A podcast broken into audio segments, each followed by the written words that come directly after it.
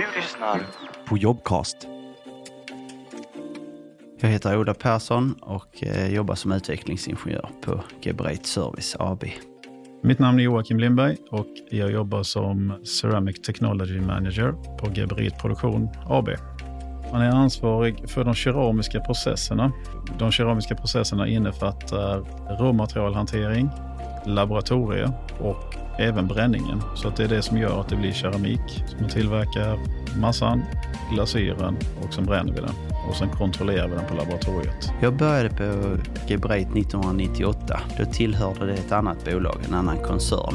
Historien om IFU, det startade i alla fall i slutet på 1800-talet, 1887 någonting. Och ute på ön Ivö här så bröt man bland annat kaolin, vilket är en av grundämnena till, eller råvarorna till eh, våran massa som ligger i Ifösjön och det är därifrån företagsnamnet eller märket heter Ifö. Det är den gammalsvenska stavningen utav Ivö.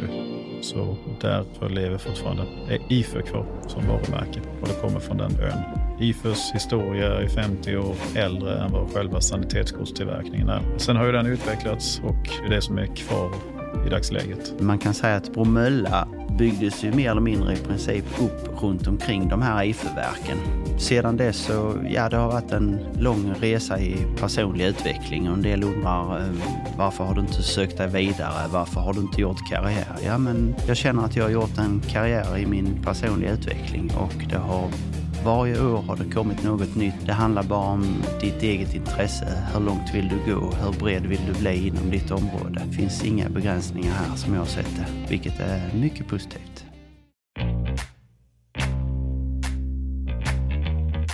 Innan jag eh, började på Geberit så eh, gick jag i skolan. Då gick jag maskiningenjörsutbildning med inriktning mot design. Och sen så var vi här på eh, ett studiebesök och det var då jag blev fångad av just produktutveckling. Sen exakt vad jag skulle eh, jobba med, det visste jag inte, men eh, jag hamnade här och eh, det var jättespännande.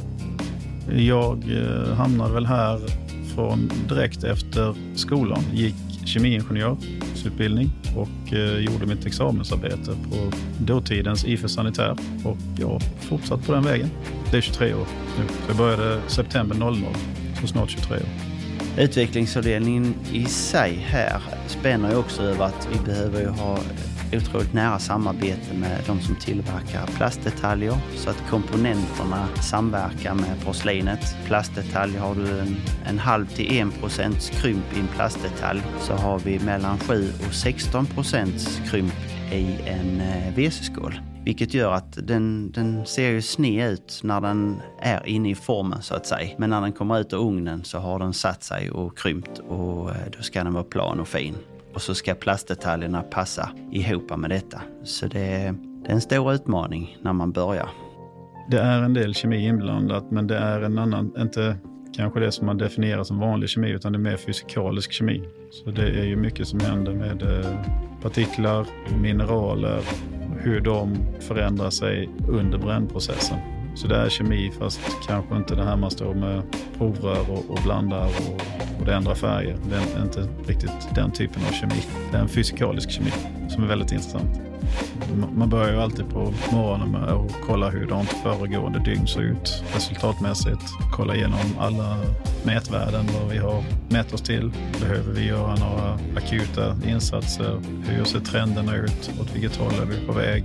Ta dagen som därefter. Sen har man ju naturligtvis en, en grov eh, planering också, vad vi ska vara inom eh, diverse olika projekt. Så att det, det finns ju ett dagligt jobb som kan vara ganska så öppet och påverkas ganska mycket av vad som händer för tillfället. Och sen har vi ju en projektarbete som pågår över längre tider. Så att eh, det finns ju många olika delar av det dagliga arbetet.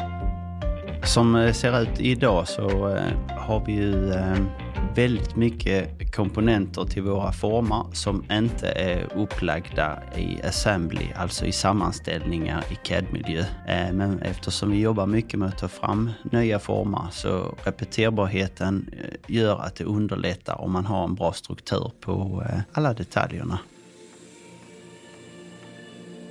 Vi köper ju materialen från leverantörer som vi själva väljer. Det är ju då leror, kaoliner, kvarts och fältspat kan man väl säga är de fyra stora grupperna material vi köper. De här leds in i fabriken i rör. Sen blandar man ihop det enligt ett recept och eh, till en slurry. När man har justerat slurryn till eh, rätt densiteter, rätt reologiska värden så är den redo att börja gjuta med. Så då pumpar man den till gjuteriet. Och eh, kommer fram till formarna. Det värms upp och eh, när du kommer in i formrummet så kan man tänka sig att du sätter eh, den här eh, massan under högt tryck. Vattnet tränger då in i formen och på ytan i formen så bildas det en skärv. Och det är detta som är så unikt för just eh, den keramiska processen. Det är att vi kan skapa hålrum, vilket utgör till exempel ett vattenlås. Toalettstol, en cistern eller ett tvättställ beroende på vilken linje det är till. Sen avformar man den. Man är inne i nästa process förvisso. Eh, och därifrån så eh, torkar man den. Sen när den är färdigtorkad så från slurryn så är det 30% fukt. Sen är det 18% fukt ner till 0% fukt tills man då glaserar den. Då lägger man på ett lager med, som gör att den blir vit och blank och fin. Och därifrån så går den till ugnen där man värmer upp den sakta och kontrollerat till ungefär 1200 grader. Då smälter alltihop och blir Någonting som sedan tåls att tittas på och det blir vitt och fint och rengöringsvänligt. Och sedan så kyler man den lugnt och sakta ner till rumstemperatur igen för att därefter kunna montera den. Grova drag. Och sen hållbarheten av eh, porslinet då är ju väldigt bra jämfört med många andra material. Vilket gör att den har en lång livslängd också. Om det skulle komma en helt ny idé, eh, det kan vara till exempel en konstruktion av en form eh, där man har eh, lösa bitar, lösa kärnor invändigt till exempel. Beroende på hur komplex den är så, så skulle man kunna testa den i en mindre skala, alltså miniatyr. Men jag skulle vill jag påstå att för att få det verkliga testet så, så, behöver man ge sig ut i produktion och uppta tid från en maskin och sätta in och jobba med det. Det är kostsamt och det tar lång tid, men det kan vara värt det i slutändan.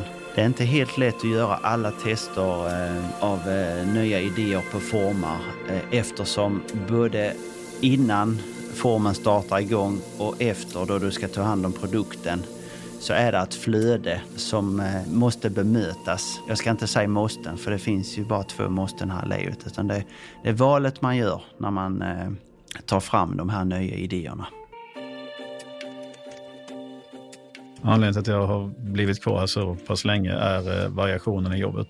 Det är så många olika processer som måste falla tillsammans för att det ska bli en säljfärdig produkt ut till kund. Och det finns väldigt mycket att lära och det är många parametrar som, som ska fungera tillsammans för att det ska bli bra. Så komplexiteten är väl det som gör att det är en intressant process. Om vi tittar på vår avdelning som sådan och sammanhållningen så, ja, jag måste säga den är fantastisk. Vi har en bra stämning, eh, vi har olika personligheter, vilket jag tror gör att vi har en sån fin dynamik. Att det finns inte ett svar som är rätt utan eh, det är de delade svaren tillsammans som, som gör att vi lyckas och eh, når framgångar. Utvecklingen de kommande åren är ju att eh, specialisera oss. I dagsläget finns det två fabriker i, i Norden där vi håller på med eh, ett specialiseringsarbete mellan de här två fabrikerna så att den ena Möllerfabriken ska bli bättre på vissa typer av produkter och den finländska fabriken ska bli bättre på vissa typer av produkter där bägge fabrikerna idag gör allt. Så att det finns ett specialiseringsarbete och eh, det kräver väldigt mycket av oss i samarbetet mellan fabrikerna och eh, utbyte av teknik, förändring utav hela fabrikslayouten. Så att det är en spännande framtid vi står inför. Det är en väldigt spännande tid att börja jobba på Geberit. Det, det händer mycket varje dag. En fråga jag brukar få av vänner och bekanta det är tillverkar ni verkligen WC-skålarna i Bromölla? Eh, ja, det gör vi. De kommer inte från något annat land runt om i världen utan de tillverkas verkligen i Bromölla. Och det är många till antalet. Du har lyssnat på Jobcast. Om du inte redan lyssnar i vår app så ladda ner den på App Store eller Google Play.